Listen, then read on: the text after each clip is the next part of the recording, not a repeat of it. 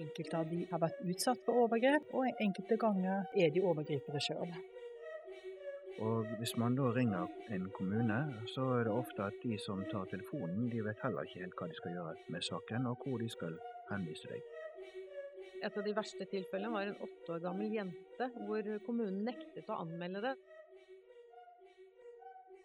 Velkommen til eh, Fafo-podden, der temaet er overgrep mot personer med utviklingshemming. Mitt navn er Terje Olsen. Jeg er forsker og forskningsleder ved Fafo, og er en av redaktørene for eh, en ny, nylig publisert fagbok om dette med tittelen 'Utviklingshemming og seksuelle overgrep kunnskap, rettssikkerhet og beskyttelse', hvor boka utkom eh, på universitetsforlaget nå tidligere i år.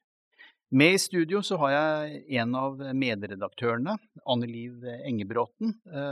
Eh, velkommen til deg, Anneli. Takk skal du ha.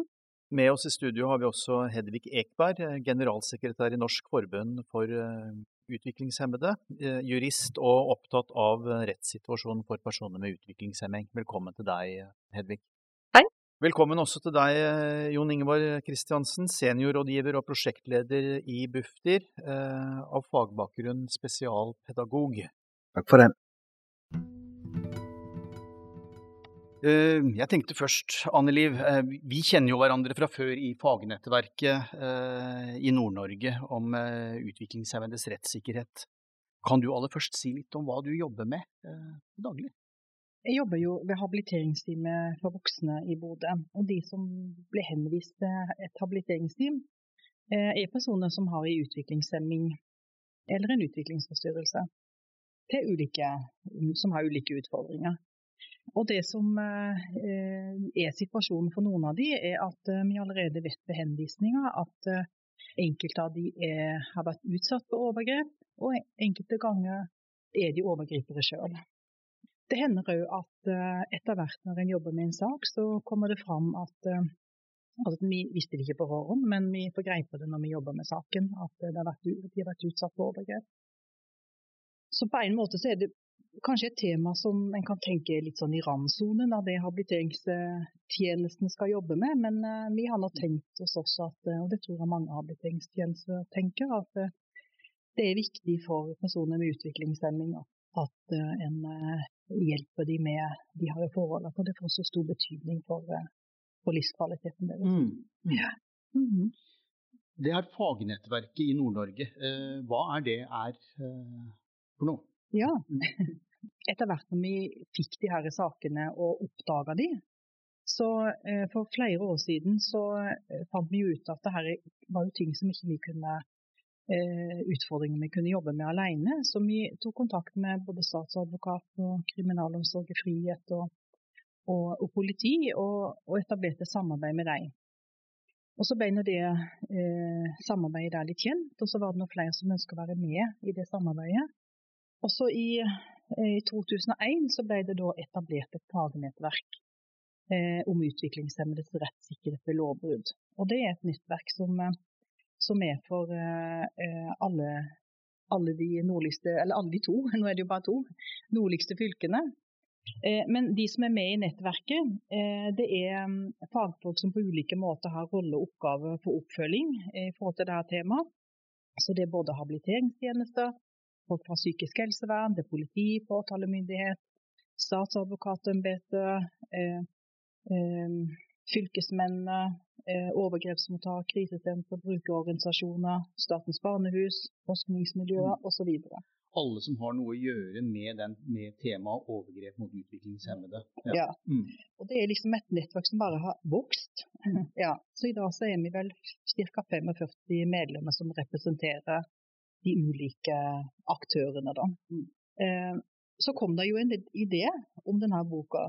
Det var vel til og med du, Terje, som hadde ideen. Vi ble litt forskrekka i første omgang, men eh, når vi tente på ideen, så, så var det jo det at den samla kunnskapen som det nettverket har, der en ikke bare politiet ser på sitt område og habiliteringstjenesten ser på sitt, men nettopp den samla kunnskapen som en ønska å formidle gjennom å skrive denne boka. Vi tenkte det kunne være eh, nyttig og, og, og, interessant for flere mm.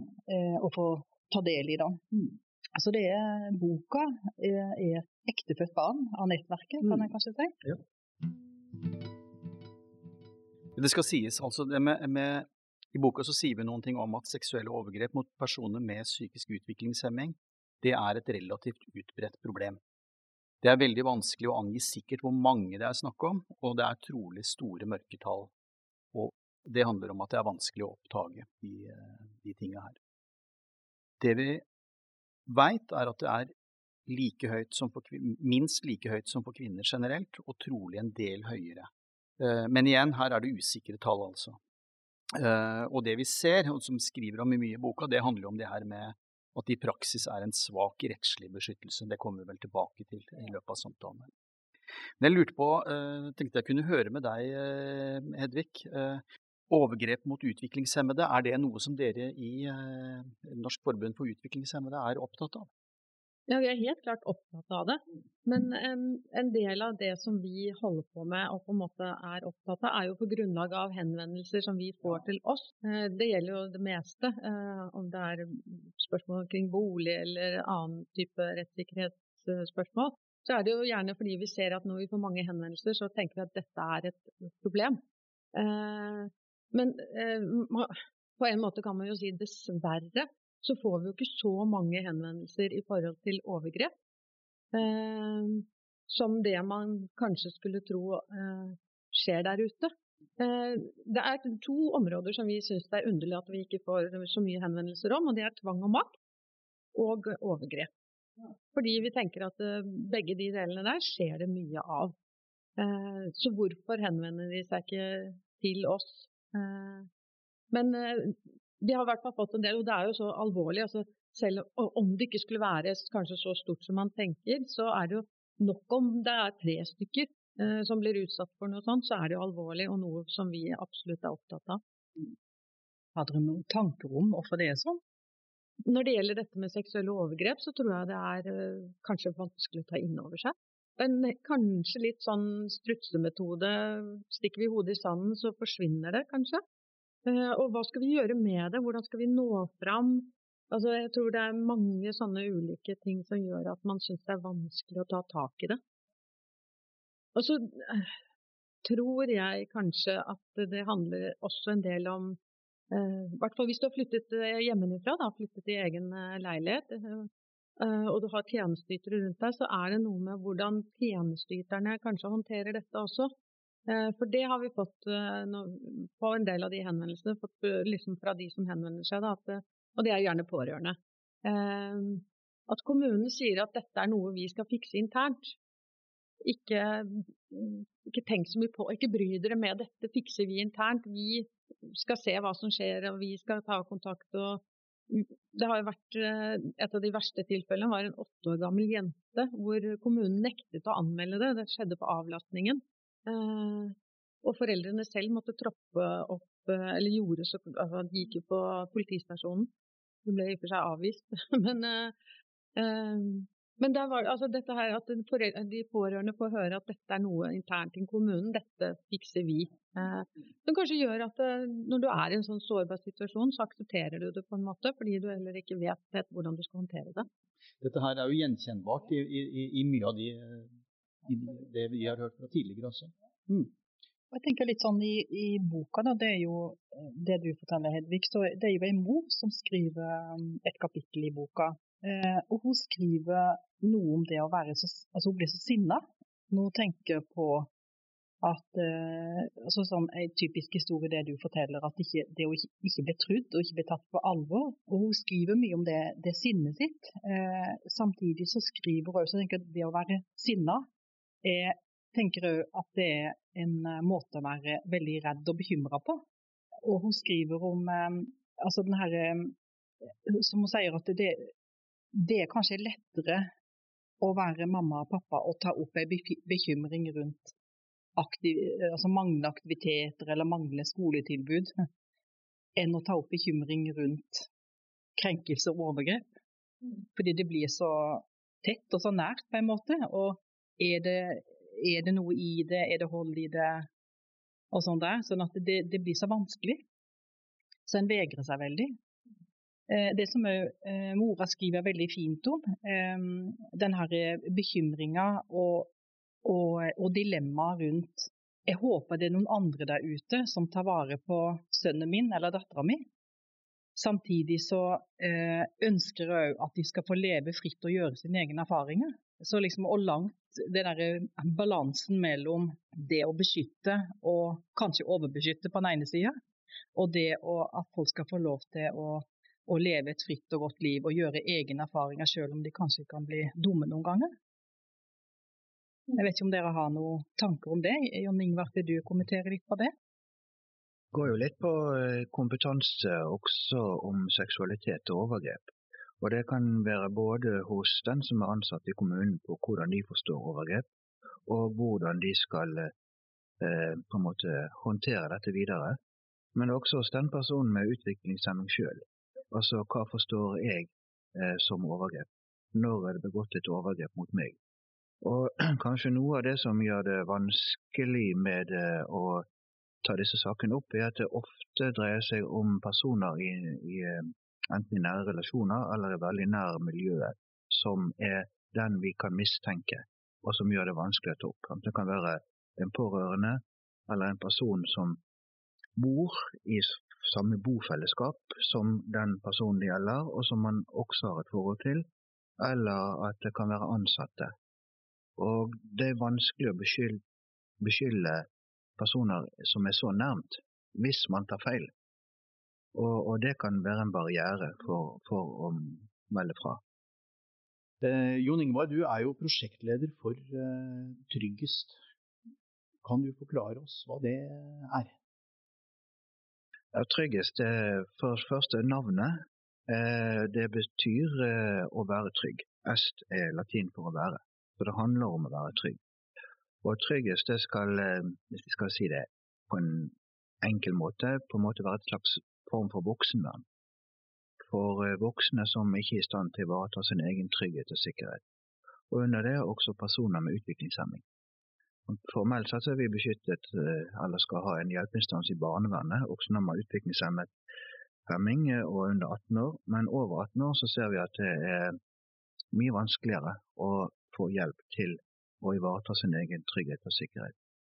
Og da skal tryggest være en slags form for voksenvern i en kommune, som eh, skal gjøre at man har et sted å henvende seg og få hjelp. Så dette er et nasjonalt prosjekt som eh, prøves ut i noen kommuner?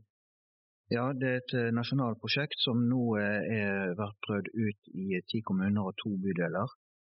Og den utprøvingen er ferdig dette året.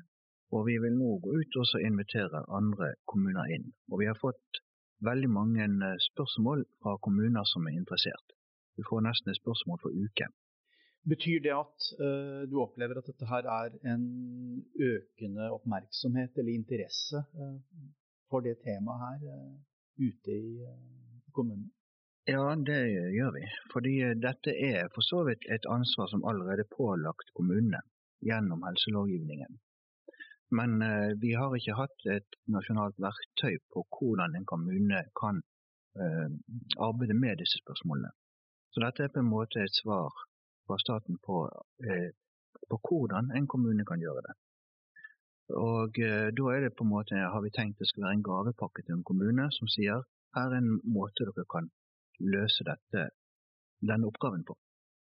NTNU og Fafo har jo hatt følgeforskning eh, på dette prosjektet, og i hvert fall på første året så så vi at de kommunene som deltok, de seksdoblet antall saker Eh, i forhold til det de hadde de to årene før vi startet prosjektet. Og en seksdobling av antall saker er ganske betydelig. Og så meldte saker inn? Ja. Eh, jeg kan kanskje bare nevne i, i boka så, eh, så, møter vi bl.a. ei ung dame som heter Andrine. hun er blitt utsatt for seksuelle overgrep over en ganske lang tid. Hun har, eh, Det en visste på forhånd, var at hun hadde lett utviklingshemming. Og så sa hun sjøl at hun hadde lopper i blodet, og, eh, sånn at hun var en del på farten. Eh, så trengte, kommunen hadde vurdert det sånn at hun trengte ikke så mye hjelp, så hun hadde noen timer i uka. Da. Og så ble det sånn at hun, eh, hun søkte seg altså Hun hadde ikke så mye venner, hun hadde ikke noen venner. Så hun, eh, der hun søkte seg, det var i et hus der eh, hun antageligvis Det var ikke noe, så mye krav som ble stilt der. Så, og hun ble utsatt for seksuelle overgrep der, da. Det var en del festing og bruk av alkohol. Eh, I dag så har det her var en liten kommune, jeg vet ikke hvor betydning det hadde. Men det var, iallfall så var det sånn at på bygda så visste en at det pågikk ting der. Det var liksom det som Det var folkesnakk. da. Eh, I dag så har Andrine Det kom liksom et, et vendepunkt i livet også, så hun hadde det bra i dag. Men hvordan tenker du, John Ingvart, at om kommunen hadde hatt tryggest eh, verktøyet, hvordan kunne det ha vært for Andrine? Forhåpentligvis ville hun hatt en plass å henvende seg. For ofte i dag så er jo utfordringen det hvis man er, har en bekymring, enten på vegne av noen andre eller kanskje på vegne av seg sjøl, Eh, og ikke ønsker i første omgang å kontakte politiet, så er spørsmålet hvor henvender man seg.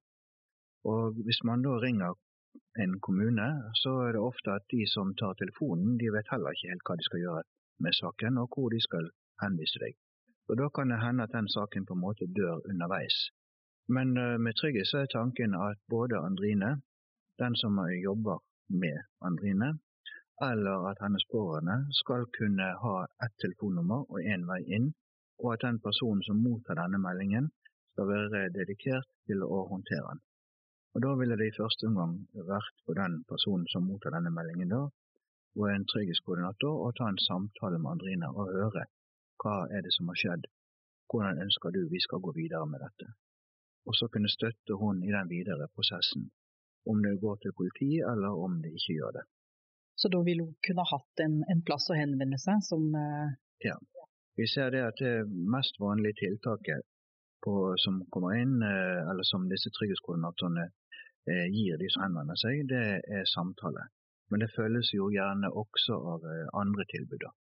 Og da kan det være, hvis det er behov for en anmeldelse, at man støtter i det. Politiet vil jo også være en del av det kanskje ressursteamet som utgjør sånn lokalt ressursteam for, for tryggest. I de alvorlige tilfellene så er det jo eh, en ordning i Norge med at man gjør politiavhør på det som heter Statens barnehus. Barnehusene de forbereder og tilrettelegger for politiavhør av utviklingshemmede og barn der man tror at de kan ha vært utsatt for eller har vært vitne til vold eh, eller overgrep.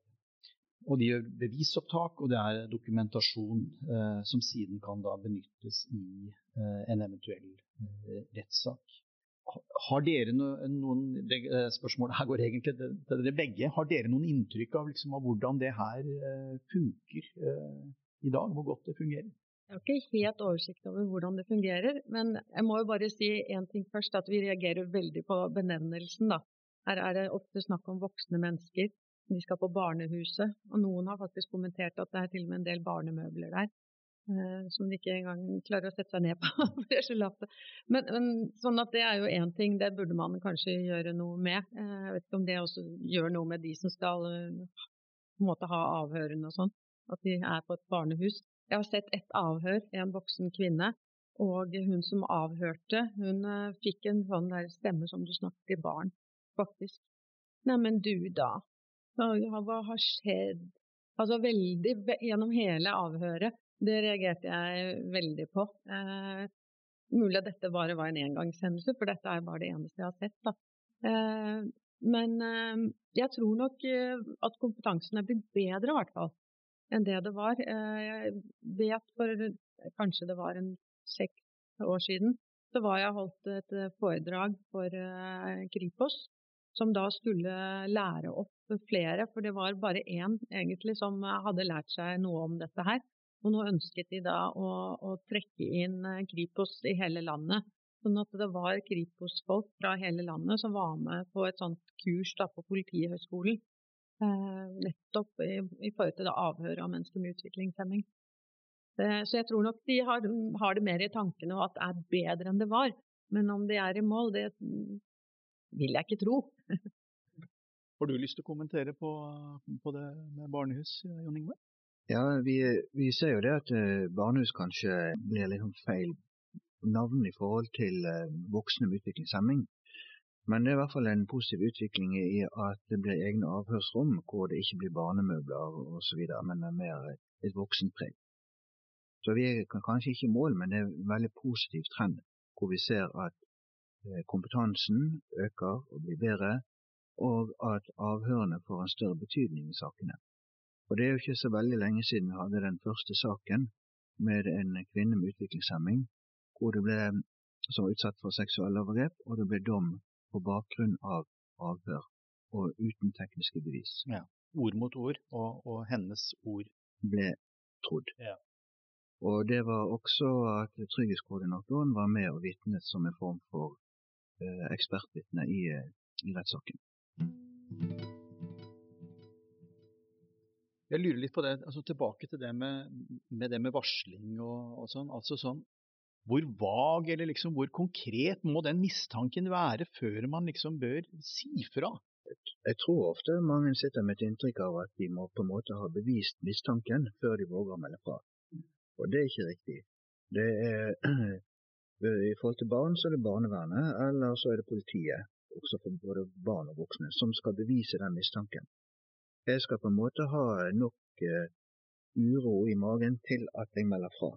Men det andre sin oppgave til å få bekreftet om den mistanken jeg har, er riktig eller ei. Ja. Hvordan er det for de som jobber i kommunene? Hva slags plikt har de, eller hva slags ansvar har de i, i så måte?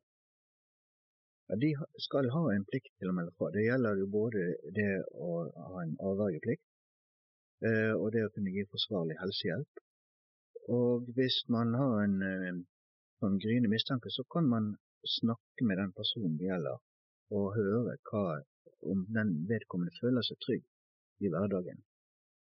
Og eventuelt spørre om dette er noe du ønsker vi skal gå videre med og snakke med andre om. Ja, altså Når du sier dette med at det være, bør være en i kommunen som kanskje snakker med deg, og sånn, så kommer det jo frem bl.a. i boken dette med at det er så mange tjenesteytere. Du blir liksom ikke kjent med noen. Og skal du tørre å ta opp eh, en sånn ting, så trenger, vil jeg i hvert fall tro at man trenger en veldig trygghet og en veldig god kontakt med den personen som du eh, skal eh, ta det opp med. Og som vi får masse henvendelser om, så er jo ikke det å ha 30-40 forskjellige personer å møte ikke uvanlig. Så er det noen som klarer å ha dette med primærkontakt og faktisk ha ordentlig kontakt med det. Men jeg, jeg ser i hvert fall at det kan være et, eh, et problematisk felt da, for å, å skape den eh, tryggheten til å kunne åpne seg. Og det som du sier, Hvis det er mange personer som skal yte tjenester overfor én person, så er det lett at de tjenesteyterne også forventer at en annen som tar det ansvaret og det ender ofte med at ingen gjør det. Så det vi prøver å tydeliggjøre i de retningslinjene vi har lagd, både i det som heter vern mot overgrep og i tryggest, er at man har et individuelt ansvar for det. det man skal ikke kunne eh, skubbe dette videre over på andre. I kommunene opplever vi at taushetsplikten står veldig sterkt men at den ofte blir brukt mer til å beskytte den ansatte fra å begå feil, enn til å beskytte den personen man faktisk skal arbeide for. Og vi ser at få kjenner avvergeplikten, og hva den egentlig innebærer. Og den vil ofte i sånne saker kunne komme inn, fordi vi ser at dette er i forhold til personer med utviklingshemming er det sjelden en sånn engangshendelse, men det er ofte overgrep som pågår over eh, lengre tid så sjansen for at dette skal skje igjen, er rimelig stor, og da vil i mange tilfeller avvergeplikten tre inn. Og strafferammen for å bryte avvergeplikten er dobbelt så høy som å bryte taushetsplikten. Men nesten ingen i kommunene kjenner til eh, bestemmelsene i avvergeplikten. Eh, Hedvig, du sier på NFU at det blir antall ansatte, lover og regler, men liksom hvordan kan vi forstørre opp kvaliteten på samværet og kommunikasjonen. Er det noen av dere som har noen tanker om det? Dette styres jo veldig sånn i forhold til hvor mye omtrent minutter du får til å være sammen med den enkelte. Eh, vi opplever vel at det blir nesten mer og mer sånn stoppeklokketilbud i kommunene. Eh, hvor det ikke er rom for kanskje det der å sitte ned og, og ta de samtalene. Eh, fordi du, du, har, du, vet at du har fem andre som du skal inn til også eh, og snakke med og hjelpe. Eh, og så, jeg vet ikke om det har noen sånn betydning, men det er litt sånn som jeg sa til å begynne med dette med at hvis du vet at det kan komme noe, så kan det tenkes at du vet det genererer mer arbeid. Det må jeg ta tak i. Da blir det mer Hvordan skal jeg håndtere det? Så når de da ikke kanskje har kompetansen til å vite hvordan de skal håndtere det, så blir det veldig vanskelig. Eh, og så kanskje de ikke da tar på en måte eh, ikke føler at de klarer og, og orker å ta, og in, ta, et initiativ til å få frem det som virkelig da kan være problematikken. Det er jo vanskelig for eh, en person som er utsatt for overgrep, enten man har utviklingshemming eller ei, å kommunisere at man er utsatt for overgrep.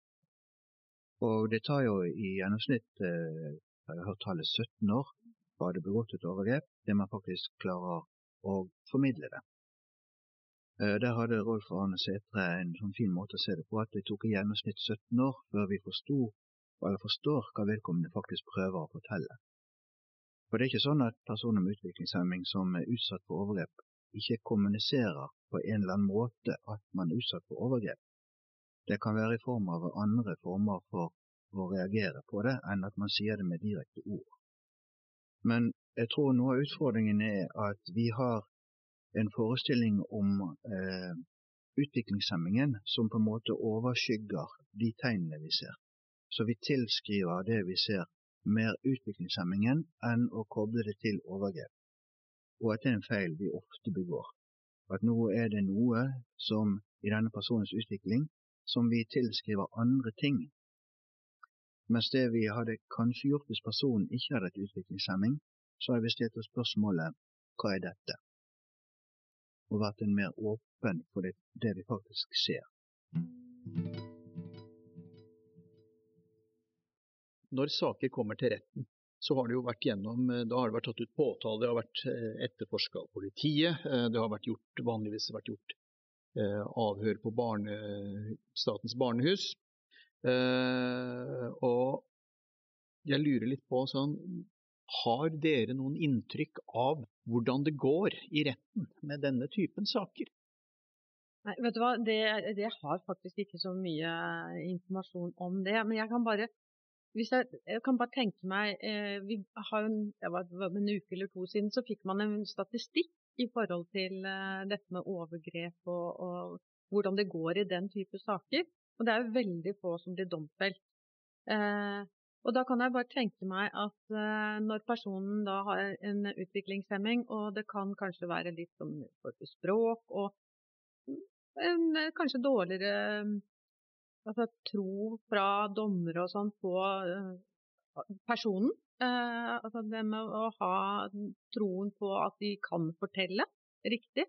Uh, jeg tror kanskje det vil gjøre at det er enda vanskeligere å få en domfellelse i den type saker.